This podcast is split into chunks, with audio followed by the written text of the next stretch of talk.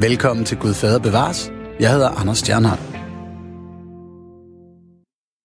Ja, velkommen til den sidste udgave af debatprogrammet Gud Fader Bevares. Den her udsendelse markerer afslutningen på programrækken, hvor jeg sammen med forskellige troende gæster har vendt religionernes indflydelse på vores samfund. Hvis det er første gang, du hører programmet her, så lad mig hurtigt slå fast, at jeg er ateist. Og en ivrig en af slagsen til med. Og at jeg også er antiteist, i det jeg simpelthen mener, at religioner gør vores liv og samfund dårligere. I mine øjne er det tydeligt, at religioner har det med at inddele mennesker i os og dem. De har det med at uddele skyld og skam. De præger nogle mennesker til at regne dette liv for en opvarmning til det rigtige, evige efterliv, og de sætter for nogle begrænsende rammer for livsførsel, for eksempel omkring sex og kærlighed. Derfor bliver jeg utryg på alles vegne, når religioner vinder frem.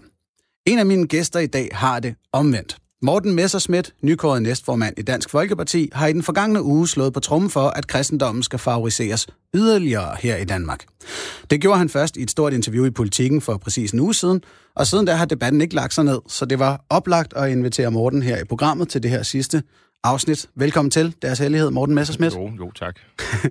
I den modsatte grøft af den her debat står den ukristelige folketingspolitiker Christian Juhl, livssyns- og kirkeordfører for Enhedslisten, som ønsker at skille kirke og stat og gøre samfundet sekulært. Også velkommen til, Christian. Tak skal du have. Og lad os få på plads med det samme, at jeg deler ikke overraskende øh, holdning med Christian hovedsageligt, vil jeg mene her. Danmark anno 2020 har stadig en statsligt understøttet og favoriseret luthersk folkekirke, andre religioner understøttes med skattefordele, og for eksempel det at vi to mennesker juridisk er forbeholdt religioner og ikke gudløse livssyn. I mine øjne bør alle disse skæve forhold ophøre, religion og stat adskilles og Danmark blive sekulært. Et land, hvor alle idéer og livssyn behandles lige og dermed udveksles på lige fod. Morten ser det jo altså anderledes. Kristendommen er så god og rigtig, at vi bør lægge yderligere vægt på den fra politisk hold. Det er udgangspunktet for debatten i denne sidste udgave af Gud Fader Bevares, sekularisering eller mere religion i staten. Og du kan blande dig i snakken på sms. Nummeret er 1424, skriv R4 mellemrum, og så dine tanker om forholdet mellem stat og religion. Du kan også stille spørgsmål til os i studiet, og det foregår altså på 1424. Radio 4 taler med Danmark. Men lad os starte med at møde gæsterne. Og vi starter med dig, Morten Messersmith. Du ønsker mere kristendom i Danmark. Ja, altså, øh, det ved jeg ikke, om det er det rigtige måde at udtrykke det på. Altså, Danmark er jo en kristen nation, og det har vi jo været siden Harald Blåtand og så videre. Alle kender hele mm. fortællingen der. Øh, det står i grundloven, at den evangelisk-lutherske kirke spiller en, øh, en fremtrædende rolle og så videre. Det synes jeg er rigtig godt. Jeg vil måske bare gerne have, at øh, danskerne bliver mere bevidste om værdien og arven i, øh, i den kristne overlevering. Ja, altså en sætning, jeg har bidt mærke i, det er, at du sagde, at Danmark er kristent, og det skal kunne mærkes. Ja, selvfølgelig. Og så tænker jeg, hvorfor skal Danmarks kristenhed ikke mærkes på frie markedsvilkår? Øh, fordi det ikke handler om øh, frie markedsvilkår. Altså, du kan jo ikke sætte øh, tro øh, ud på et, øh, på, altså, som, et, som et produkt. Altså at sige, ligesom gå ind i supermarkedet, hvor du køber den tube tandpasta, du synes smager bedst. Altså, øh, tro er i vidt omfang jo noget, du har en, en overlevering i, altså noget, du får fra, fra din, øh, for dine forældre og for det samfund, du er en del af. Det er noget, som er fuldstændig uadskilleligt med kultur og livssyn og så videre. Men det er jo så der, hvor jeg tænker, netop hvis det er så uadskilleligt, hvis, netop hvis det bliver nedarvet fra forældre til barn og så videre, det er vel egentlig de frie markedsvilkår for idéer, der der går ind og, og arbejder. Hvorfor skal der en politisk understøttelse til os? Nå, jo, jamen det er jo fordi, det simpelthen, Danmark er jo øh, ved at blive sådan noget tvangsateistisk. Altså, øh, det er jo ja, klart, klart, hovedparten af partierne på Christiansborg lever jo en eller anden vrangforestilling om, hvad sekularisme er. At det skulle betyde, at man ikke må diskutere øh, religion og kristentro i, øh, i en politisk sammenhæng, hvilket er totalt nonsens. Det er jo ikke noget med sekularisme at gøre. Men nu skal, nej, den skal jeg lige forstå, fordi mm. der er, så vidt jeg lige kan tælle, to rene sekulære partier i Folketinget. SF og Enhedslisten. Nej, der er, der er kun ét, øh, eller alle partier på Christiansborg er sådan set sekulære. Øh, jeg vil bare sige, det er, de fleste af dem har bare misforstået sekularitetsbegrebet, og tror, altså jeg tror, det var Anders Fogh Rasmussen, der startede, øh, eller ligesom kronede misforståelsen ved at sige, at, øh, at øh, der, der var for meget øh, religion og kristendom i det offentlige rum, og det synes han var, var dårligt og brød med det sekulære. Det er jo ikke rigtigt. Altså det sekulære er jo at et argument aldrig nogensinde får nogen værdi i sig selv ved at bygge på en, en tro, en religion. Altså det at uh, kunne henvise til et eller andet, som Paulus måtte have sagt, uh, gør ikke, at argumentet bliver mere validt, uh, end hvad en ateist eller en eller anden mm. rationalist fremfører. Det er sekularisme. Det lyder som argumentatorisk sekularisme det i hvert fald. Det er sekularisme i Men... hver horisontal og vertikal betydning. Så, så sådan noget som den økonomiske sammenbinding af religion og stat, det synes du ikke er et spørgsmål for sekularister? Nej, nej fordi det er jo vedtaget demokratisk. Det er det, der er pointen. Men, altså... men, men nej, nej, altså, det at være politiker er jo at gå ind og sige, hvilke ting, der er vedtaget demokratisk, man ønsker at ændre ja. demokratisk. Ja, lige præcis. For eksempel at sige, jeg er sekulær, jeg ønsker, at stat og religion skal være økonomisk adskilt. Jo, eller at sige, jeg er sekulær, jeg ønsker, at folkekirken skal have en uh, mere fremtrædende post i, uh, eller på, på, finansloven. De to ting er jo ikke modsidende. Altså, det er jo fordi, jo. du lider af, nej, nej, det er fordi, du har misforstået begrebet. Det, det skal du ikke være ked af, det, det er 5 millioner andre, der har. Men, men, men det, og bare roligt, det er ikke første gang, nogen fortæller mig, at, uh, men det at jeg har sekulær, misforstået begreber. Det at være sekulær er jo ikke at man så ikke forsvarer sin religion, sin tro, sin overbevisning. Det at være sekulær, det er at være ydmyg i forhold til, at fordi man forsvarer kristendommen, har man ikke flere stemmer i folketingssalen, eller man har en større myndighed eller noget i den stil. Men altså, når vi for eksempel har besluttet, at der er, er, er øh, nationale fridage i øh, påskedagene og på Kristi Himmelfar og så videre, så har vi det jo ikke, fordi det står i Bibelen. Øh, vi har det, fordi det er Folketinget vedtaget. Og Folketinget har så vedtaget det, fordi der er en, en ja, kristen overlevering. Men jamen det, jamen det er også en meget, meget væsentlig forskel. Fordi hjemlen er loven, det er ikke Bibelen. Og hvis man begynder at gå ud og sige, at det er Bibelen, der er hjemlen, så er det, man bryder det sekulære. Det er derfor, muslimerne for eksempel har et kæmpe sekularitetsproblem, fordi de mener, at Koranen skal stå over loven. Men det centrale i sekularismen, det er selvfølgelig at sige, at loven kommer først. Ja, jeg kan godt mærke, at jeg er ikke enig. Forstår øhm, du, hvad jeg mener? Øh, ja, det gør se, jeg. Øh, ja, godt. Det gør hvorfor, jeg. Hvorfor, øh, hvorfor er du så ikke enig? Jeg forstår... Øh, jamen, jeg er ikke enig i, at sekularismen kan leve side om side med en statslig favorisering af en bestemt religion eller lovgivning, der tydeligvis har sin grobund i en given religion. Hvorfor er du ikke enig? Øh, fordi sekularisering skal handle om, at religion og statslig styring er adskilt. Nej, Hvorfor det? det? Det sekulære er, at man som troende accepterer, at ens argumenter er kun denne side. Det er jo det, Kristus siger. I giv kejseren så kejseren er, og giv Guds hvad Guds Og det er der, hvor jeg siger, jamen det er en argumentatorisk, filosofisk sekularisering, Nej, jeg kan er, forstå. det er, det er, en, det er den totalt kliniske, 100% gennemsyrende definition af sekularisme. Altså uanset om du øh, sidder på universitetet og filosoferer, om du sidder i folketingssalen og laver lovgivning, det er definitionen.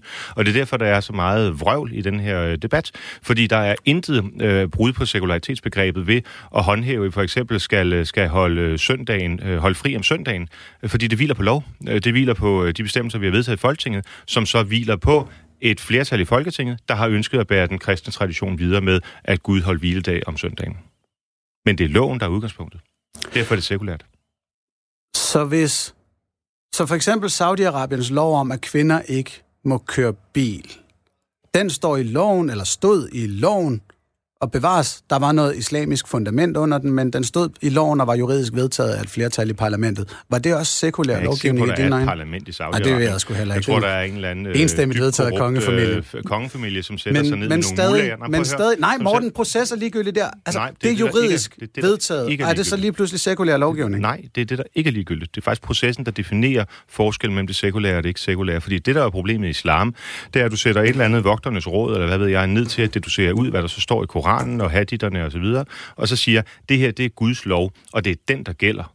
Det er nemlig ikke sekulært, fordi så har du givet nogle få mennesker bemyndigelsen til at ligesom viderefortolke, hvad Guds lov er. Men hvis man i, et, øh, i for eksempel i Tyrkiet, det vil være et bedre eksempel for dig, det skal du bruge næste gang, øhm, har et, øh, et meget reaktionært parti som AKP, mm. der går ind og siger et eller andet om, at nu vil vi gerne have, øh, for eksempel, moskéerne skal øh, have en større rolle, eller man må ikke drikke alkohol inden for, ja. jeg kan ikke huske, om det er to kilometer. Loft over antallet altså, af kirker, eller Sådan nogle ting, ja, ja, præcis der. Og de så siger, at det vil vi gerne gå ud og forsvare øh, over for vores øh, befolkning, og så se, om vi kan få et øh, flertal for det. Det er jo lykkedes med, med Erdogan. Så kan man ikke sige, at det bryder med det sekulære. Okay. Nu er der sket det, som normalt er, det er meget nyttigt på et universitet. Det er knap så nyttigt i et radiodebatprogram, nemlig at vi er gået ned i definitioner af, af ord. Øhm, Christian Juhl, ja. du er livssyns- og kirkeordfører for Enhedslisten. Og allerede i den titel fremlægges en del af jeres syn på religionspolitikken. Det er I sekulære. Øh, vil du have lov til lige at definere, hvordan det er, I ser sekularisering? Altså, som jeg ser det, så kan et land ikke være kristen. Et menneske kan selvfølgelig tilhøre den kristne tro og, og føle sig kristen og troen og alle de der ting i forskellige grader. Øh, og øh, fred være med det. Øh, det skal folk have lov til, som de har lyst til, og derfor er jeg tilhænger af at ligestille alle religioner i vores land. Og, og adskille øh, øh, hvad hedder det, øh, religion og folkestyre øh, og Folketinget. Og derfor arbejder jeg for at få øh, hvad hedder det, statskirken ud af finansloven. Og det er jo, øh, altså det kan vi jo diskutere lang tid om, om hvilke principper det er, men det er min politiske holdning, og det er også min tilgang til øh, religion. Folk skal have lov til at dyrke den religion, de har lyst til, og øh, så længe, at det ikke går ud over andre menneskers måde at, at leve på, og andre menneskers øh, velbefindende, og hvad skal man kalde det? Ja. Altså, Øhm, når, når skriver- først en religion bliver undertrykkende, så er jeg med på, at så vil jeg gerne være med til at aktivt og for, forhindre den del af, den, af religionens aktivitet. Og så er der noget, der, er lidt, der rækker lidt videre end blot undertrykkende religion. I skriver på jeres hjemmeside, at folkekirkens særstatus forhindrer innovation og ligeværdig konkurrence. Ja, det er fordi, jeg grundlæggende er lidt småliberalistisk, hvad det angår. Og jeg tror, at øh, det at være statsfinansieret kirke gør en kirke doven, altså mangel, mangel på in, innovation. Og det vil sige, den stivhed og manglende energi i, og, og hvad skal man kalde det, gøre sin kirke synlig, den er meget tydelig i folkekirken. I forhold til, hvor mange medlemmer der er der, der må man nok sige, at det er en ufattelig passiv kirke, som lever af almisser fra staten. Og det vil være meget sundt for den religion at sørge for selv at skulle kæmpe for overlevelse og kæmpe for at overbevise folk om at blive medlem af kirken. Ikke? Altså, jeg blev født, eh, nej, det gjorde jeg ikke, men jeg blev døbt ind i kirken. Og øh, det måtte jeg jo selv gå op med, da jeg så blev gammel nok til, at det bestemte jeg selv. Øh, og der vil jeg gerne have et system, hvor man selv vælger til, øh, når man skal vælge sin religion. Jeg kunne Yes. aldrig drømme om at vælge en religion til. Øh, jeg tror ikke på noget liv efter, efter det ene, vi har fået øh, givet her. Øh, jeg, jeg, stod, jeg tror på, at mine gener selvfølgelig vil fortsætte, så længe menneskeheden kan behandle den her klode ordentligt. Når mit liv er slut, og der er desværre kun et, ja, så må vi få det bedste ud af det på den måde. Og Ja. derfor er det også vigtigt, at vi prøver at indrette vores samfund og, og al vores virke sådan, at vi kan leve fordrageligt sammen og hjælpe hinanden til at få et godt liv. Godt. Jeg er sådan set enig i kritikken ja. af folkekirken, fordi den er jo blevet totalt og sådan noget sødgrød skvattet radikale venstreagtigt. Altså, øh, der er jo Så er de lusinger jamen, der er jo intet øh, liv eller kampgejst over øh, hovedparten af folkekirkens øh, præster. Det er bare sådan nogle, øh, der går i, i et med tapetet og prøver at være pæne mennesker, der samler ind til folkekirkens nødhjælp, ikke? Godt. Men det har du jo været med til, ved at bare forære dem med millioner hver eneste år til at forkynde. Altså, jeg betaler for den forkyndelse, du sidder og nyder hver søndag. Hvad er meningen med det? Jamen det er jeg sådan set øh, enig i, at der, er, der burde være stillet nogle helt andre øh, krav, og hele samfundet burde øh, ligesom tale kirken op som et, et sted, hvor man skulle være mere stridslysten og missionerende og udadvendt, i stedet for at rende rundt og samle ind til moskéer og alt muligt andet farisisme. Men når 5 millioner har misforstået, hvad sekularisme er, så har du jo lidt af en stor opgave, når der kun er en enkelt eller to, eller måske en håndfuld i Dansk Folkeparti, som har forstået, hvad Men prøv at forklare, hvad du mener om sekularisme så. Jeg mener, at sekularisme handler om, at vi øh, skal sørge for, at det, vi laver i Folketinget, det bærer entydigt på, øh, hvad her det, øh, det politiske udgangspunkt. Hvad er så det politiske udgangspunkt, der det er kristentroen? Altså hvis nu der er et flertal i Folketinget, som synes, det er en god idé, at vi holder fri om søndagen, fordi det står i Bibelen, og det er den tradition, vi har. Hvis så de vedtager en lov om det, har de så brudt sekularitetsbegrebet? Det gør man, hvis man argumenterer, som nogen gør. Altså, nu har vi en debat øh, om, om de her, og hvad her det, hvad her nu, bønnekald mm. øh, forleden dag i Folketinget. Så var der Lars Bøje fra Nye Borgerlige, han rejste sig op og råbte. Han fortalte mig ikke bare med almindelige ord, at jeg skulle afholde mig fra det. Jeg skulle nærmest holde min kæft, når vi diskuterede folkekirke, fordi når jeg ikke var medlem, så har jeg ikke noget med det at gøre. Og der måtte jeg jo så forklare ham, at det glædede mig, at han havde den holdning, fordi så måtte vi jo kæmpe fælles for at få folkekirken ud af finansloven, sådan den ikke har noget med Folketinget at gøre. Det tror jeg, at I er enige om. Altså, jeg, der er jeg jo meget uenig med Lars Bøje, fordi jeg synes jo, du er medlem af Folkekirken i den forstand, at du bidrager til Folkekirken. Det kan godt være, at du har valgt at sætte dig uden for det økumeniske fællesskab, ved ikke at være sådan aktiv og betale dine kirkeskat og alle de der ting. Fred være med det. Men du er jo en del af den kristne tradition. Du er underkøbt døbt ind i Folkekirken, kan jeg høre. Du betaler jo din almindelige indkomstskat, så du er med til at underholde Folkekirken og understøtte Ja, den. og så, ja, og så længe, at jeg sidder i Folketinget og er valgt til det, Ja. så har jeg nærmest pligt til også at være med til at sikre, at de penge formidles fornuftigt, nok. så længe de skal gives. Og Men derfor synes du, det er et brud finder... på sekularitetsbegrebet, at du skal betale indkomstskat, og det underholder præsterne, for eksempel? Nej, det er et brud på sekularitet, at staten skal inddrages i opkrævning af kirkeskat, for eksempel. Øh, Jeg vil, godt, jeg. vil også lige gå med på det, Morten sagde. Ja, det er også et brud på sekulariteten, at staten har et årligt bidrag direkte til Men folkekirken. jeg forstår ikke, hvis du mener, Christian Juhl, at, at, at staten opkræver kirkeskat, som du kan vælge fra. Det bryder sekulariteten, men at man bruger øh, penge på finansloven til at ansætte præster, bryder ikke sekulariteten. Jamen, det, jeg er da modstander af begge dele. Ja, det er en politisk holdning at have. Ja, ja, men er, og, det er jo øh, sekularitetsbegrebet, jeg, er tilhænger af for eksempel det norske system, ikke? Jo, men det er man sekularitetsbegrebet, vi, vi prøver Ja, ja, Jamen, det, det, nu vil jeg også lige gå, gå Mortens ærne her, at, at ja, du skulle egentlig bare i mine øjne have sagt ja til, at de 750 millioner om året fra staten til folkekirken bryder naturligvis også med sekularitetsbegrebet. Det er klart. Nå, okay. Men hvad her det... øh, Det var fint, så er vi uenige. Det var Jeg har, på jeg har jo været meget Ja. liberal, hvad angår religioner i det hele taget. Ja. Også øh, den øh, folkekirke, religionen. Jamen, det er klart, hvis man og- ikke tror på noget som helst andet end sig selv, så, øh, så kan jeg godt se, så kan man være meget Det liberal. betyder ikke det samme, at man kun Jeg tror, tror på sig selv. på ret mange ting. Nå, okay, jeg synes, jeg hørte noget med nogle gener, der skulle nedarves lige før, that's it. Ja, men det er ikke det samme. Er det ikke det? Det lyder Nej, som en altså-. Nej, jeg synes, nej, okay. Øh, Du må selvfølgelig godt forsvare dig selv, Christian. Jeg skal ikke tage den. Jeg vil bare sige, at, at jeg tror ikke på det evige liv. Det, er- det, det, der kommer tættest på, det er, at der er noget af mine gener, som fortsætter. Mm. Og det har ikke noget med, at jeg er stolt over det, eller, eller hvad. Nej, nej, jeg det er bare godt. det eneste, jeg kan, Det jeg kan godt. komme i tanke om, hvad der kunne have en, en grad af evigt liv. Ja, ja, ja. Og jeg har det sådan, at, at, at, at religioner bredt forstået er med til at hæmme, at vi ændrer for eksempel de sociale forhold der er i landet, fordi religioner ofte bliver brugt til at forklare, at du må finde dig i det liv, du har, for der kommer et bedre liv efter døden. Og Det er så bare paradoxalt nok, at de fleste er enige om, at lutheranismen rent faktisk fører til den socialstat, vi har i dag, ikke? og har i Nordeuropa. Nej, enig okay. i. Nej, den diagnose skulle jeg også til at sige, men den er vi også nødt til at tage øh, ud af det her program. Nu har vi forløbig fået defineret, at vi tre har lidt forskellige sekulariseringsforståelser, og der må vi simpelthen lade den ligge og komme ned i noget mere konkret. Øh, og igen, I lytter, I skal endelig skrive ind til 1424. Jeg kan lige starte med den første sms. Øhm, fordi den er et eksempel på, hvad jeg ikke gider at høre. Der er en fyr, der hedder Lars, der skriver, hvorfor helvede tager den satans P, prik, prik, prik, prik, prik, til studievært ikke bare hjem til sit lorteland? Muslimer er roden til alt ondt, bliv væk fra de kristelige lande. Mit navn er Anders Stjernholm. Hvor tror du, det navn kommer fra? Ingen gang svenskere kan udtale det ordentligt. Hæv niveauet, Lars, øh, og det synes jeg, I andre også skal gøre. Og Lars stander også med at skrive, du læser nok ikke min sms op. Jeg blev simpelthen for fristet, Lars, når den var så fin. Jeg er nok den eneste her, der er lidt fremmed. Altså, jeg er 8. generations indvandrer. Det ved jeg ikke. Altså, Messerschmidt har jo ikke et udpræget øh, københavnsk øh, klang. Åh, oh, ja, så kan man, det må vi lige se, hvad Lars har af holdning til det. Men prøv at høre, lad os komme ned i, øh, Morten Messersmith, hvad det er for en kristendom, ja. du mener, der skal fremmes her. Øhm, fordi du, du har været ude at sige, at der...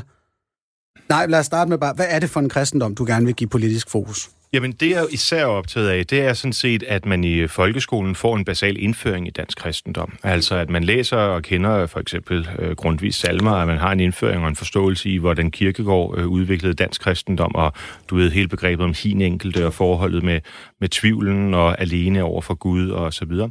Alright. og, og de to ting er jo står lidt i modsætning for, til hinanden, ikke? fordi grundvis øh, kristendomsforståelse det her med øh, fællesskabet og menigheden, hvor kirke går til meget det, det, det personlige.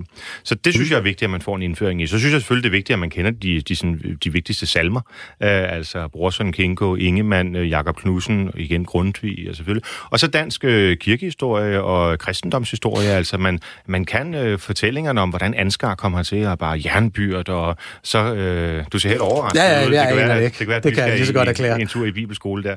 Men Ja. øh, at, man, at man selvfølgelig kan sin historie. Og, og, og i den forbindelse jo både den almindelige Danmarks historie, kirkehistorie, litteraturhistorie, hvor kristendom bare er et gennemgående, øh, en gennemgående rød tråd. Alright.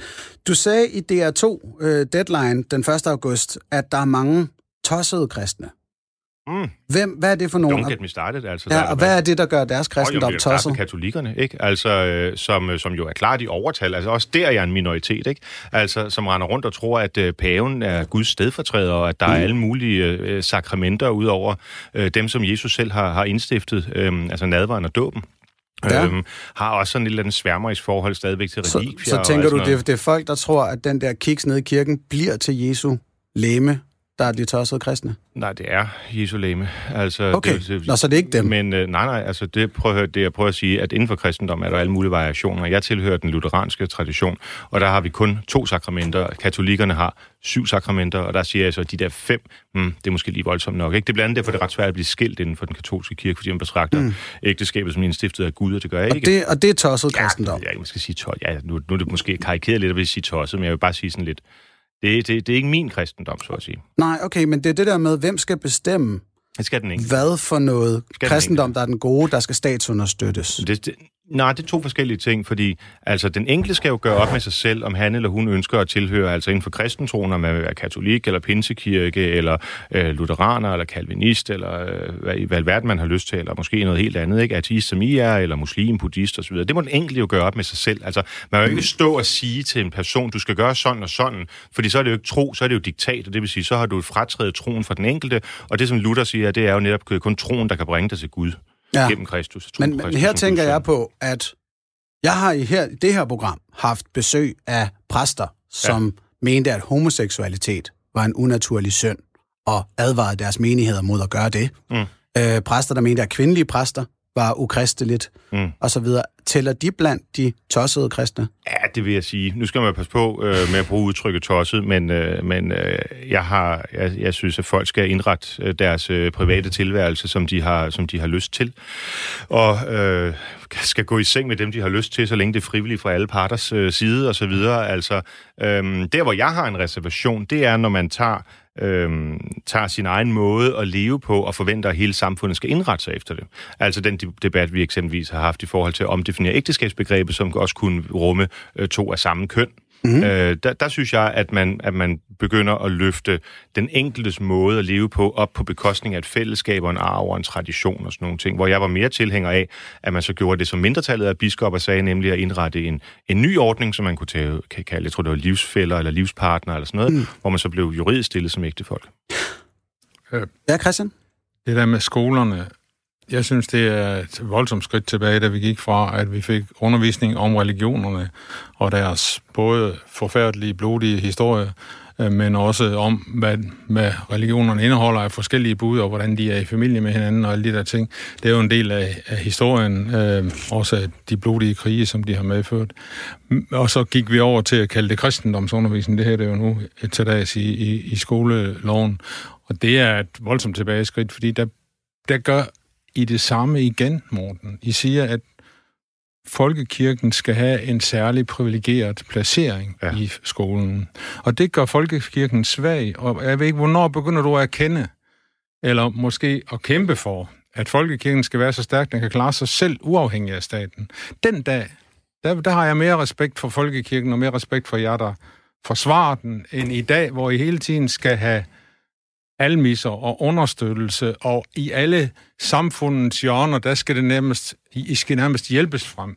Det synes jeg er en svaghed, og der synes jeg, hvis ikke folkekirken kan klare sig på lige fod i folkeskolen i en god pædagogisk øh, opbygget undervisning, når man orienterer om, om religionerne, så viser det øh, folkekirkens svaghed. Det viser sådan set ikke skolens svaghed, fordi de har jo, i hvert fald i min tid, øh, indtil vi fik lovændringen lavet, orienteret om øh, religionernes historie, lige så vel som om kejsernes og kongernes og alle andres historie. Og det synes jeg er en elendig, øh, en elendig religion at støtte, hvis det er sådan, at den skal både gå på krykker og have en rullestol og så videre for at klare sig. Men det vil jeg godt, du synes. Og det vil også være underligt, hvis du syntes andet. Altså, hvad kan man sige, de emancipatoriske partier, som jo lever ud fra individet alene, må nødvendigvis have det sådan, at livet er en fritvalgsordning. Det forstår jeg godt. Og det er jo der, hvor I forener jer med liberalister og alt muligt, altså alle ideologiske partier. Jeg, er jo et anti, jeg tilhører jo et anti-ideologisk segment, det som man nogle gange kan kalde for konservatismen, ikke? både inden for kirken og det politiske. Og der er det jo sådan, at vi faktisk betoner de ting, som ikke nødvendigvis er individuelt bestemte. Altså, der er jo masser af de mest definerende ting i menneskelivet, som vi ikke selv har truffet afgørelse om. Du nævnte lige før, at du ikke selv havde truffet afgørelse om, at du skulle døbes. Øh, du har næppe heller truffet afgørelse om, at du skal hedde Christian. Øh, du har måske været influeret på, at du hedder Jul. Det ved jeg ikke, om du har øh, giftet dig og taget din kones navn. Du har næppe heller selv truffet afgørelse om, at dansk skal være dit modersmål. Altså, alle de ting er jo noget, der er en givet. Og det forstår jeg godt er noget, der ligesom giver kvalme fornemmelser, hvis man, hvis man synes, at alting skal være en fritvalgsordning. Men jeg synes, det har en tryghedsskabende, identitetsskabende og dermed blivende værdi for mennesket, at der nogle ting, der er overleveret. Noget, som kommer fra familien, fra nationen, fra traditionen, fra historien og fra troen. Men der er så spørgsmålet, hvorfor kan det ikke bare komme fra familien og fra kulturen? Hvorfor skal den til med understøttes det er fordi, fra statslig side? Jamen, det er fordi, det er den danske tradition. Altså, det har vi haft i grundloven siden 1849. Men, men, men her er så her, her er en vinkel på det, som jeg synes tit bliver overset, at når man bevarer kultur, hvilket er det, du taler for her, Mm. Så snyder man jo også for den kultur, der vil være kommet i stedet.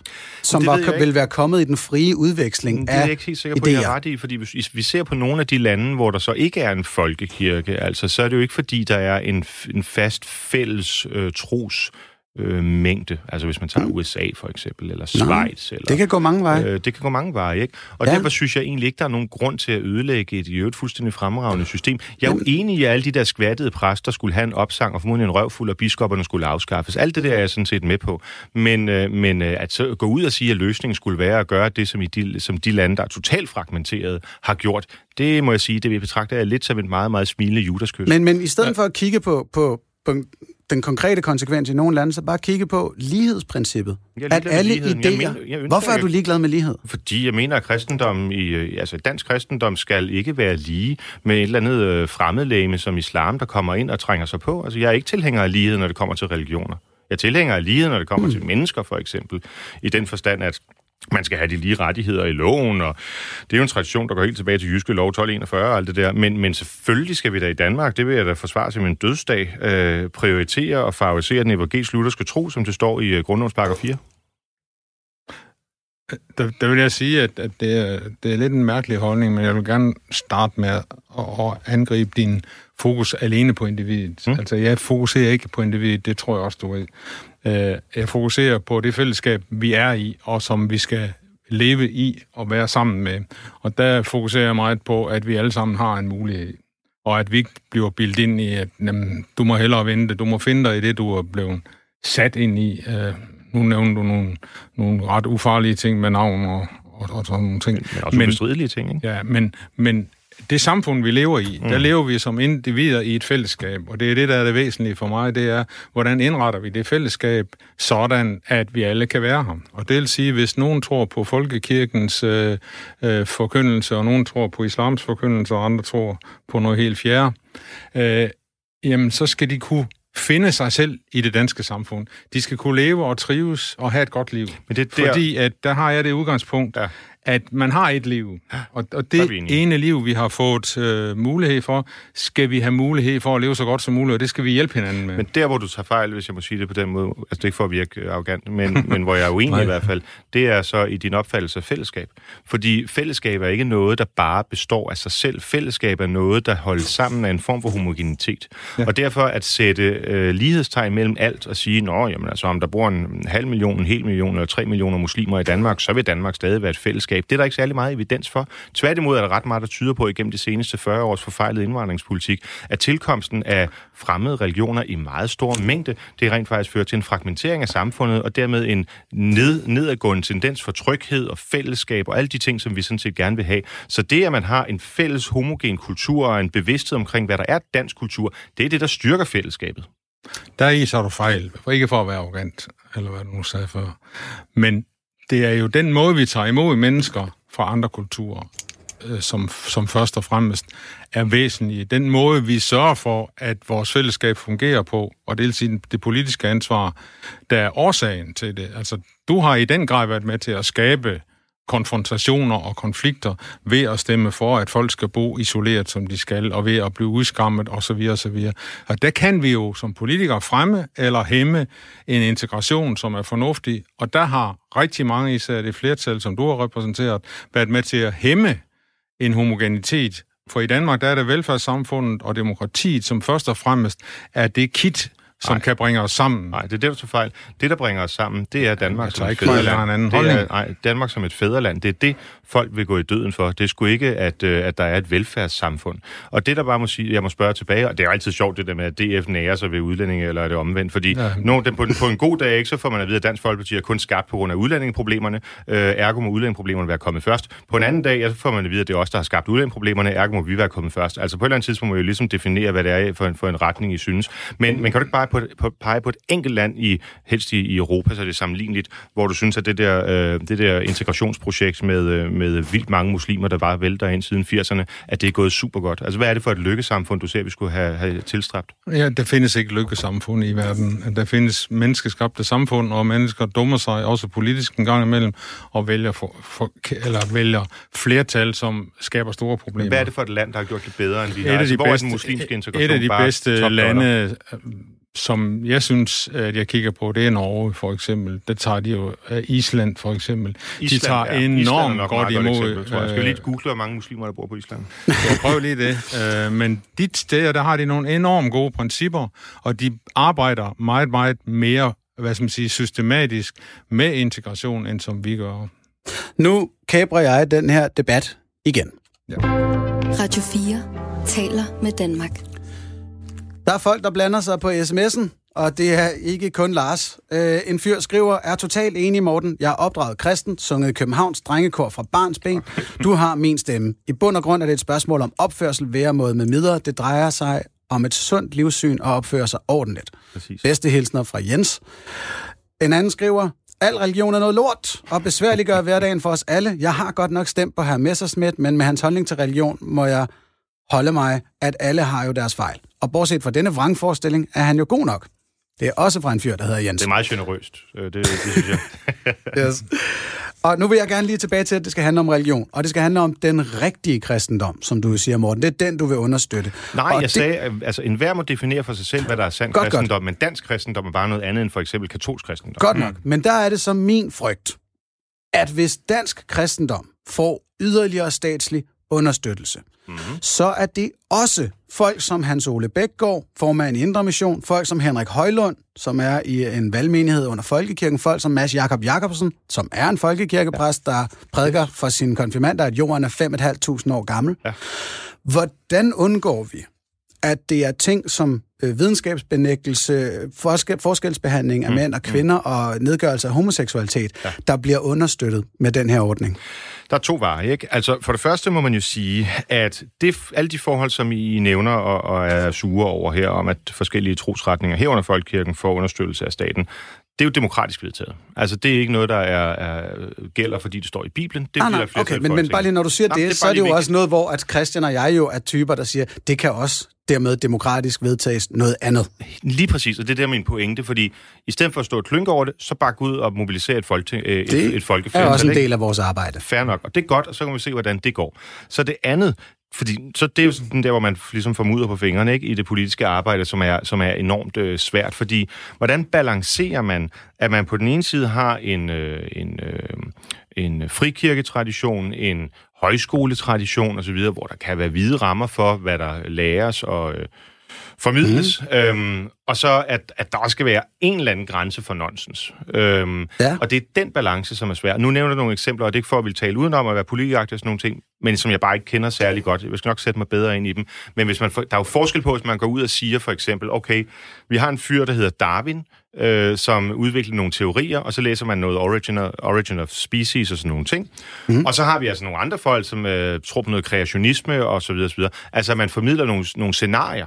Det synes jeg jo er fint nok. Jeg synes jo, at, at man har en, en, en skole, hvor man vælger at sige, og, og min personlige opfattelse som lærer kan så være et eller andet. Der er jo stor forskel på det, og så stå sådan i et eller andet formørket tordenvejr, øh, vejr, øh, og bare sige, at det står i Bibelen, og vi kan regne ud øh, på, på Abrahams slægt, øh, at... Øh, Men der her er det så, det der formørkede tordenvejr. Hvordan undgår vi det? Hvordan undgår vi præster? Og det Jamen, formoder, er at vi begge to er der, gerne. Er der som en øh, Ja, vi har- jeg har her hvor haft Henrik- ikke har nogen idé om, at der findes en fyr, der hedder Darwin? Du, du har selv nævnt det her med, at du vil ikke have en formørket type til at stå og citere Paulus, og derfor skal kvinder tige forsamlinger. Nej, Henrik, det, det er en fred. Altså, det har jo Henrik demokratisk ret Højlund bare, har været med i programmet her og sagt, Paulus har sagt, at kvinder må ikke være lærere, derfor vil han ikke have kvindelige præster. Den mand er på finansloven. Ja, Det mener jeg lidt noget andet. Altså, jeg synes egentlig også, at Altså, er det en indre missionspræst, vi med Nej, han er en valgmenighedspræst. Han er valgmenighedspræst. Okay. Og tidligere altså, helt almindelig folkekirkepræst. Altså, jeg, jeg synes jo, det er helt forrygt, og det er en helt øh, mærkelig form for kristendom og udlægning af Paulus, og i øvrigt er Paulus mm. er, jo, er jo ikke øh, hverken evangelist eller, eller, eller noget. Tak, det er så, en lektion, alle burde høre. Paulus er et helt almindeligt menneske. Øh, ja, fuldstændig. Han var jo øh, han var romer, hed Saulus, fik en åbenbaring. Han havde jo slagtet løs på de kristne og på jøderne øh, inden. Men så får han den her åbenbaring og skriver men, sin brev til Korinth. Og, og mit spørgsmål er så stadig, hvordan sørger vi for den der sortering? Det er det, der er super svært. Øh, mm. det anerkender jeg da fuldt ud, fordi... Hvorfor ikke bare ligestille sig? Fordi det ikke er lige. Fordi der er noget, der er en, en, en, der er en fast i i skoven, hvorfra alt det gode udgår, og den hedder det evangelisk lutherske budskab. Og så kan der være nogle vildskud ind imellem, og der er det en gang imellem, så står man og kigger på det her lidt vildfarende øh, lille spire vip nede i skovbunden, ikke? og siger, okay, skal vi moster i bund, eller skal vi bare lade der være? Mm. Men det er der, hvor I begge politikere, ja. jeg havde en drøm om at være det på et tidspunkt, mm. øh, der, I har mulighed for at lave om ja. i tingene. Så det der med, hvordan ting er, er jo ikke noget, der skal være med i en politisk diskussion om, hvordan ting kan være. Øh, og Christian, du markerede? Ja, det gør jeg, fordi at jeg er meget tilhænger af den der lighedstanke, fordi at hvis nu man privilegerer et trosamfund, så er det klart, at så siger vi også til alle andre trosamfund, I har en sekundær rolle i vores samfund Præcis. i forhold til andre. Og det er der, hvor jeg, hvor jeg synes, at så sørger vi ikke for, at alle kan trives med deres religion. Det synes vi har ret til. Altså, vi har jo selvfølgelig religionsfrihed i Danmark. Så du synes ikke, at jøder trives i Danmark? Det mener du ikke? Øh, jeg synes godt nok, at, at nogle af jøderne bliver forfulgt i Danmark. Ja, det er meget enig med. Oh. Det er fandme, ikke er kristendom. altså, jeg vil sige, der er der for eksempel Frankrig, som er et totalt ateistisk samfund. De der har jøderne det langt værre. Ja, ja. Det, det kæmper jeg da også imod, for jeg jo. synes, at alle skal have vil gennemføre det, det, der er fransk standard, vil gennemføre i Danmark og siger, at det skal nok blive bedre. Nej, det siger jeg ikke. Jeg siger bare, at det er jo ikke det samme. Det kan man jo ikke øh, give den øh, hvad jeg siger, rækkefølge i, i uh, argumenter. Jeg siger bare, at alle skal kunne trives i vores samfund med den religion, de nu vælger og, og synes er, er det for nogle kristne samfund? Altså, har alle egentlig ikke kunne trives ret godt i Danmark, Nej. indtil altså, de her mange, nu mange muslimer du... kom og begyndte at stille krav nej, til, hvordan samfundet Nej, altså, der, der, der taler du for eksempel om en tid, hvor at homoseksuelle havde det ret okay, svært, okay, hvor kvinder ikke var ligestillet, okay, og det var blandt andet... Jeg troede, vi talte om folk udefra, altså afvigende ja. trossamfund. Men jo. det er jo rigtigt, at samfundet... Jamen, man, det ved jeg da godt, der har der også været... Et, altså, vi havde jo også diktatur i gåsøjen under enevælden og ja, sådan ting. Der var der sikkert nogen, der synes det var ufedt. Der var andre, der synes det var fedt. Altså, sådan er det. Jamen, når ja, ja, altså, hvad står dem, der var tættest på kongen, havde synes, det var fedt. Eller hvad? Fordi Nej, jeg griner af, at enevælden skulle være noget, der delte befolkningen nogenlunde lige. Det var der høj grad. Altså, tror du virkelig, at Må... kongen kunne fastholde sin magt? Altså, Frederik den 3. blev båret ind i enevælden efter Roskildefreden. Altså, prøv lige at læse op på din historie. Det havde en kæmpe opbakning ude i befolkningen. Det, der er pointen her... Her hjælper. Ja, det der, men fortsæt. Nej, altså, det er simpelthen en, en niveauet af enfoldighed er åbenbart altså, u, umuligt at overgå her. Skulle ikke, Danmark var der ikke et undertrykkende militærsamfund for Frederik den 3. altså Frederik den 7. Altså, hvor har du fået det fra? Nå, det, jeg synes var så bemærkelsesværdigt ved din latter, det er, at den udstråler en stor arrogance over for det at se historien med samtidens briller. Og det er det, der er pointen. Nej, men Mon, Nå, det... prøv at høre. Vi står, hvis vi kigger tilbage på grundloven 1849, så synes vi måske, i nogle stræk, det var relativt liberal men set med, altså set med datidens briller, men med nutidens briller var den det jo ikke. Og du nævner jo selv det, det der med... Er på, men det er en strømmand. Altså det, det, det der med, at jeg vurderer historien med nutidens briller. Det er det, du gør, når du står og griner nej, nej, nej. måde. Nej, det er, dig, der, mm. det er dig, der tolker en hel masse på mit ene grin. Det gider jeg ikke at skulle forsvare mig imod. Det er din strømmand. Det er da ikke en strømmand. Nej, Strømmans argument Christian... er at sige, at en eller anden har sagt noget andet, og så skal du forholde dig til det. Nej, jeg bliver lige nødt til at klarificere den der. i forhold til det der med en eller anden præst, jeg aldrig har hørt om, skulle have med et eller andet for mørke. Det, det sat, nej, for det tog jeg jo ikke dig til indtægt for. Jeg spurgte, hvad skal vi gøre med det? Morten, så det havde ikke noget med Strømman at gøre. Okay, fair nok. Øh, ja, Christian, ja. kom, kom bare ind. Det er fordi, at øh, jeg har læst øh, Carpenters bog om, fra 1848 til 1920, som er en enormt spændende bog, netop som handler om nogle af de her ting. Ja. Og jeg er blevet chokeret over ting, som jeg ikke vidste, og som jeg synes, du var ved at antyde. I den periode lige før århundredes, altså det forrige århundredeskifte, og så frem til, øh, ja, frem til 2. Øh, verdenskrig, der havde jøderne faktisk ikke godt i Danmark. Der var nogen, der havde placeret sig og fået et rigt liv og mm. tjent mm. penge, men de havde det ikke godt. De var uleset, også før år 1900. Det, det, er, det er faktisk forkert at sige, der, der var det næsten statsofficielt, at man ikke kunne lide jøderne. Og dermed bør vi også lære af sådan nogle ting, at, at vi skal også behandle folk bedre, når de har en anden tro, Også selvom så er de muslimer. Og det bør du også lære af, fordi jeg synes, du har tendens til at sige, hvis de er muslimer, så er de nok, Nej. ligesom de værste af muslimerne. Jamen nu prøver jeg at sige, ja, hvad, ja. hvad jeg tænker. Ja. Og der vil jeg gerne have et samfund, hvor alle kan trives, og det kan man især, hvis alle religioner er lige og fjernet fra det sekulære, altså fra, fra demokratiet og fra Folketinget og sådan ting. Det tror jeg vil betyde ret meget for mennesker, som har en anden tro, end du har. Det, og fordi ja. at du hele tiden siger, at Danmark er kristen. Nej, ja. du er kristen, og flertallet af danskerne er kristne, og det er det, vi skal holde fast i. Vil du gerne have, at flertallet af danskere er kristne? Er det en mål for dig? Nej, det er det ikke. Jeg siger, jeg konstaterer bare. Så. en gang imellem konstaterer jeg virkelig. Ja. Jeg troede bare lige, der var og, og det skal også lige, det er faktisk, det har været til diskussion i hele programrækken her, om hvorvidt flertallet af danskerne er kristne. Mm. Øhm, at Morten, der kan vi lige tage en hurtig. Er du mm. kristen på den måde, at du tror på, at Jesus var Kristus? Ja. Og han genopstod for de døde? Ja. Godt. Det er der 20 procent af, kristen, af danskerne, ja. der, der mener. Der vil jeg sige, at Jesus var en god socialist, som levede i en tid, hvor det var vanskeligt at være socialist. Altså, vi kaldte ham i min unge dag kammerat Jesus, og der blev faktisk udgivet en børnebog, som sikkert ville være forbudt af Dansk politik og religion sammen. ja. Men det var fordi, at han jo netop kæmpede for de mest udsatte. Hans næste boede også på den anden side af grænsen, Morten, og det burde du lære lidt af. Hvad er det for en grænse, din... du tænker på der? Ja, fordi både det var jo grænse. så der var jo ikke så mange grænser Jamen, i Mellemøsten. I forhold, nu tænker jeg på det som uh, metaforisk, altså den grænse, der må være. Okay. Vi har også en dansk-tysk grænse, vi har en dansk-svensk, og det vi har... Jesus, hvis man antager, uh, som jeg gør, at det er Guds søn, så, kunne han, så er han jo hævet over de fysiske love. Og det Jesus han kunne ikke. jo sådan set bare uh, smutte til, til Kina, og så sige, her er min næste, og så kunne han være på Grønland næste dag og sige, her er min næste. Det gjorde han ikke. Han vandrede rundt i Galilea, han vandrede rundt i det område, ja. hvor han var, han var født, og de mennesker, som han mødte på sin vej, som han kunne hjælpe, som han kunne helbrede, som var i bekneb, som du siger, jamen øhm, dem hjalp han. Og det er jo det, der er det næste. Det andet, det er jo netop fejserisme. Det er jo at gøre det til ideologi og sige næste begrebet, jamen det er 6 milliarder øh, mennesker på, på kloden. Og det er der, hvor faktisk du vil tillade mig at sige al respekt, begynder at misbruge en religion, der, som, som du så åbenbart ikke engang abonnerer på. Jamen, nej, det, det er den, min Kammerat politiske holdning. Her, altså. Øh, det, det er jo en politisk holdning at have, om, om, om vi, min næste også bor i Afrika, Absolut. eller min næste kun politik. bor i Danmark. Ja, ikke? Og den politik prøver jeg, for jeg prøver ikke at, at missionere for noget som helst religiøst, fordi det ligger mig meget fjernt. Det må I, øh, der tror på øh, noget øh, metafysisk, mm. øh, klare. Jeg prøver bare at tage udgangspunkt, og derfor læser jeg selvfølgelig også med glæde, hvad I skriver, og hvad de gamle KF'er har skrevet, fordi når han siger, min næste er også den, bor på den anden side grænse, min næste er den mest udsatte altså, i samfundet. Hvor siger Jesus det han? Ja, det er da det, I prædiker. Jeg lytter jo til, hvad I siger, ikke? Og, og det er den næste kærlighed, som I synes er så fantastisk ved, ja. ved religionen, ikke? Ja, det er det. Fint. Nå, men så er det det, vi er enige om, at næste kærlighed er en god ting. Ja. Og det her er flere lejligheder også i Folketinget sagt. For mig er næste kærlighed synonym med solidaritet. Ja, okay. Og for ligesom at præcisere, I må gerne snakke i jeres kirker. Jeg snakker i Folketinget og ude i den virkelige verden om solidaritet.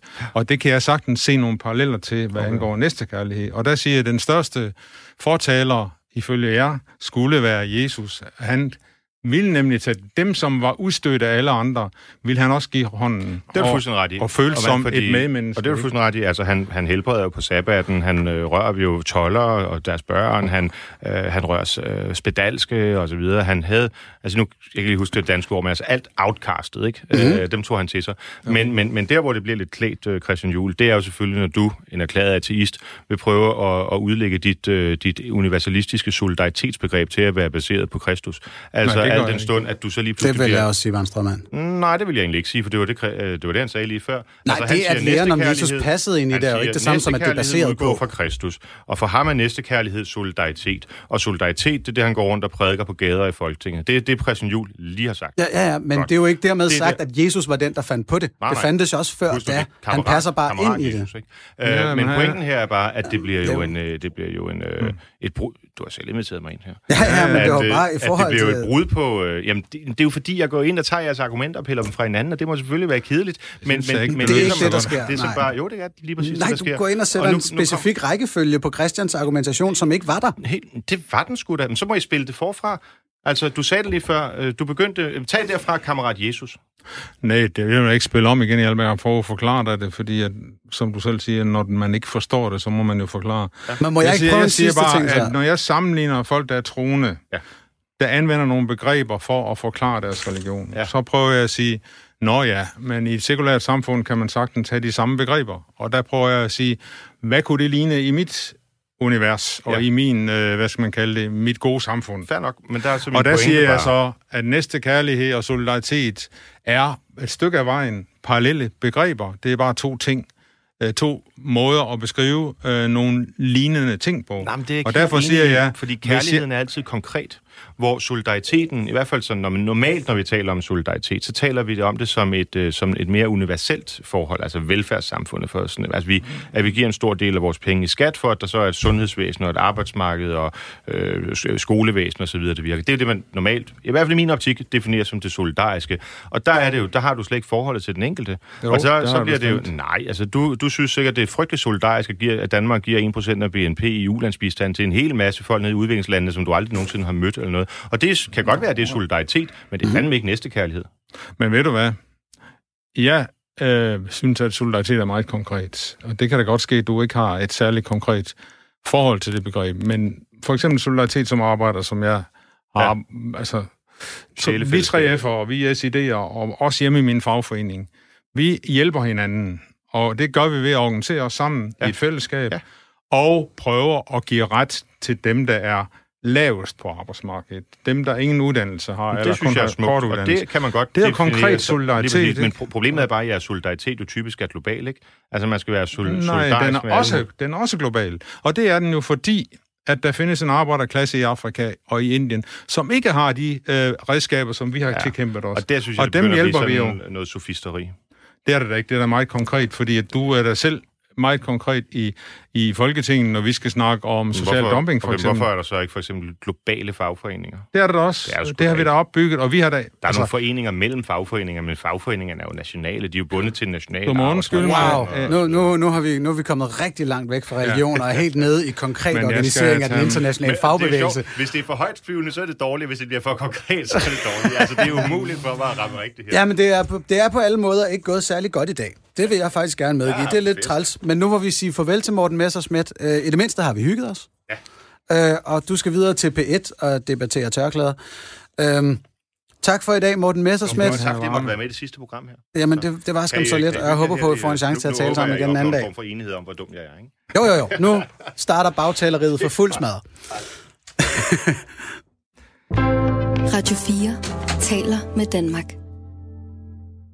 Og vi har nu i 45 minutter været i gang med debatprogrammet Gud Fader Bevares. For sidste gang, jeg har haft besøg af Morten Messersmith fra Dansk Folkeparti, og har stadig besøg af Christian Juhl fra Enhedslisten. Og vi har diskuteret sekularisering. Øh, vi har diskuteret, at Morten Messersmith ønsker en yderligere understøttelse af den lutherske kristendom i Danmark. Vi har ærligt talt, og det smerter mig lidt, haft en dårlig debat, som har skudt i mange forskellige retninger, uden vi rigtig har kunnet lukke de forskellige områder særlig godt. Men der har været god aktivitet på sms'en. Nu vil jeg lige læse nogle stykker op. En skriver, at der findes ingen næstekærlighed inden for religionerne, men magtbegær er der masser af. En anden skriver, jeg har altid ment, Morten virkede klog og taler det danske sprog så flot. Jeg synes dog, det er trist, han er så uintelligent og middelalderlig, hvad kristendom angår med venlig hilsen Pernille. David skriver, rigtig kristendom er apolitisk. Jesus nægtede at deltage i politik, da jøderne ville gøre ham til jordisk konge, grundet de mange mirakler. Okay, de er diskutable selvfølgelig. Her bliver så også skrevet, han påbød sine disciple at gøre det samme. Man kan ikke både støtte Guds rige og det værtslige rige. Så er der en, der skriver, det er racistisk at kalde islam for et fremmedlæme. Gav vide, hvad du kalder nudisme og hinduisme for andre trosamfund. Og en sidste Jens fra Nykøbing skriver, i Bibelen står der hos en mand, må du ikke ligge, som man ligger hos en kvinde til. Det er en vederstyggelighed i folkekirken. Folkekirken, vi er homoseksuelle, det er jo så også en fejl, hvor kirken forsønder sig for Gud. Og spørger til, hvordan vores gæster forholder sig til det. Nu er Morten så smuttet, men Christian Jul, øh, hvordan har du det for eksempel med, at vi i folkekirken stadig har præster, der ikke vil vi homoseksuelle og fraskilte? Ja, det synes jeg, det burde have konsekvenser for vores bevilling, fordi vi bevilger jo penge til forkyndelse. Hvis vi endelig skulle lave et kompromis på det andet år, så skulle vi stoppe med at give penge til forkyndelse, og så måske bruge lidt penge på øh, kulturminderne i de smukke bygninger, vi har rundt omkring, for dem vil jeg ikke have nedlagt og fjernet. Dem vil jeg gerne beholde. Og derfor kunne statens opgave at være at passe på bygningerne, og så må dem, der vil have forkyndelse, få forkyndelse. Fordi så er vi ude over det der med, at staten smiler og går til øh, så øh, tåbelige ting yes. Øh, og tusind tak for sms'erne. Husk, I kan skrive stadig ind stadigvæk på 1424. Skriv R4 og et mellemrum, og så dit input til, hvordan du synes, øh, den her debat har været. Øhm, I mine øjne, så det, det, der skræmmer mig mest, det er det her med, at man skal ind og bestemme, hvad børnene skal lære mere og mindre af. Øh, nu er det unfair, Morten er smuttet og kan desværre ikke svare på det, men jeg vil have kommet med det input, at jeg jo synes, at der skulle være mere Nietzsche og Bertrand Russell og Geo Brandes i folkeskolens undervisning. Andre vil måske insistere på mere Karl Marx og Sartre og Thor Nørretranders Per Stig Møller. Flere kvinder i curriculum osv. Øh, hvis det stod til dig, Christian Juhl, hvem skal så bestemme det her indhold af den idehistoriske undervisning? Det skal de folk, der har faglig indsigt, de spiller jo normalt ind, øh, når vi laver ændringer på loven og bekendtgørelser og de der ting. Og så prøver vi at beskrive, hvad skal folkeskolen undervise i, i overordnede termer.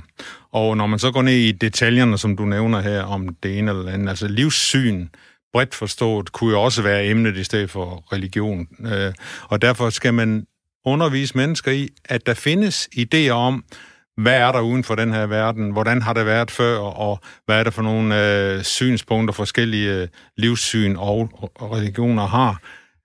Og det skal læreren selvfølgelig øh, i det daglige sørge for at gøre så savlig og så ordentligt som muligt, så folk har så kritisk og så åben en tilgang til tingene, og ikke er blevet doseret med én religion, mens de går i skole.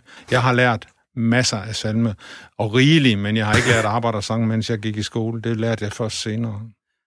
Øh, og apropos forskellige livssyn, så er der kommet en sms, der starter med, Frels os fra ham der Christians meninger og tro. Konsekvensen af hans idé, at alle religioner skal være lige, der har Morten altså fat i den lange ende, da for eksempel islam er en totalitær ideologi, hvor religion blot er en del af ismen. Desuden ønskes der et kalifat, altså verdensherredømme, som ønsker at udslette blandt andre, blandt andre kristne. Hurra for at være selvdestruktiv. Tænk jer om. Tak jer. Med venlig hilsen. Send knap så sende en ordlyd måske, og, og slet ikke sende en frygt. Kan du sige noget til, til mennesker, der har den her frygt for, øh, øh, at islams indflydelse kan, kan undertrykke Danmark? Jeg kan sige, at i et demokratisk samfund, hvor der er en fri og åben debat, der vil det jo aldrig ske, at nogen religion vil få øh, diktatorisk magt. Så på den måde er jeg ikke nervøs for at lige stille religionerne og bringe dem ud af ud af det demokratiske system og ud af det sekulære samfund og over i den private sfære. Og ja, der, der er jeg jo også rørende enig, og det er der, hvor, hvis Morten sad her lige nu, at jeg tror, han vil anklage os for at være naive drømmere og tro, at det kan lade sig gøre, den her ligestilling, den her hands-off tilgang til religionerne, det er den, der kan fordærves på forskellige måder. Øhm, og nu vil jeg til at prøve at lukke lidt ned, øh, fordi det her, det er jo sidste gang. Men det øh, betyder jo ikke, at man ikke skal forsvare demokratiet. Det er klart nok. Nej, nej, altså demokratiet, menneskerettigheder og det hele, det er jo egentlig den bund, øh, hvis endelig, at, som Marie Krav i et tidligere afsnit har anklaget mig for at være min religiøs, med ja. min religiøse tro, at det er den bund, vi øh, sekulære tror på, kan, kan ja, være et fundament for en, for en god udveksling. Øh, Jens G. skriver, ja, det er nemlig typisk, Morten skulle videre, og så giver I den gas. Griner, intet debat i dette. Ja, jeg håber, at vi vi får smidt hans øh, synspunkter på bordet stadigvæk. Jeg synes, han gjorde godt nok et indtryk til, at man har en idé om, hvor han står. Det har, han har jo efterhånden sagt de samme ting en, en del tid. Øh, Jens skriver, religion er bestemt skadelig for børn. Jeg har i min barndom været underlagt Jehovas vidner. Det er det, der har gjort mig til den totale ateist, jeg er nu. Og ja, jeg kender flere selvfølgelig med den der historie. Men nu vil jeg til at, at runde af. For det er sidste gang, vi sender det her Gud Fader bevares. Og jeg vil gerne sige tusind tak til mine gæster i dag, Morten Messerschmidt og Christian Juhl fra Enhedslisten. Øh, og tusind tak til de gæster, der har været. Øh, programrækken stopper jo desværre nu. Jeg har nyt de her drøftelser. Jeg har nyt at komme i snak med mennesker, jeg ellers kun har udvekslet med gennem debatsider i aviserne. Så tusind tak til alle de gæster, tusind tak til alle lyttere, tusind tak til alle anmeldelserne. Øh, KLF Kirke og Medier fulgte meget grundigt med i starten. Øh, og I kan jo regne med, at jeg kommer til at fortsætte med at sige min mening om religion. Og jeg vil afslutningsvis anbefale jer at følge med i øh, mine podcasts.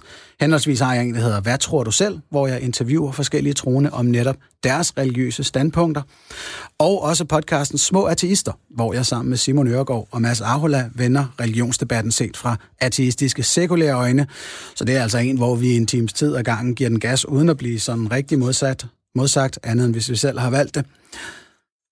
Øhm, og derudover så vil jeg endnu en gang lige understrege en ting, som vi desværre ikke nåede ind på i dag. Nemlig tanken om efterlivet. Christian Juhl, du var flere gange inde på, at der er kun det her ene liv. Øh, og det er jo der, hvor at, at jeg ser den, den største fare. Og der måske sådan for at være lidt diplomatisk her, vil jeg sige til jer, der tror på, der kommer et efterliv. Vær varsom med, hvor meget energi, der skal bruges på det. Fordi vi har altså kun egentlig påviselig kontrol over, hvad der foregår i det her liv. Hvad der sker bagefter, aner vi ikke. Vi aner ikke, hvad der skal til for at komme det ene eller det andet eller det tredje sted hen. Så min sidste anbefaling, min sidste prædiken herfra, den er fokuser på de her 80 år. I redaktionen har det været Rasmus Søgaard og Bjarke Stenter. Mit navn er Anders Stjernholm, og det her var jo altså sidste gang, at vi sendte Gud Fader bevares. Og nu er der nyheder.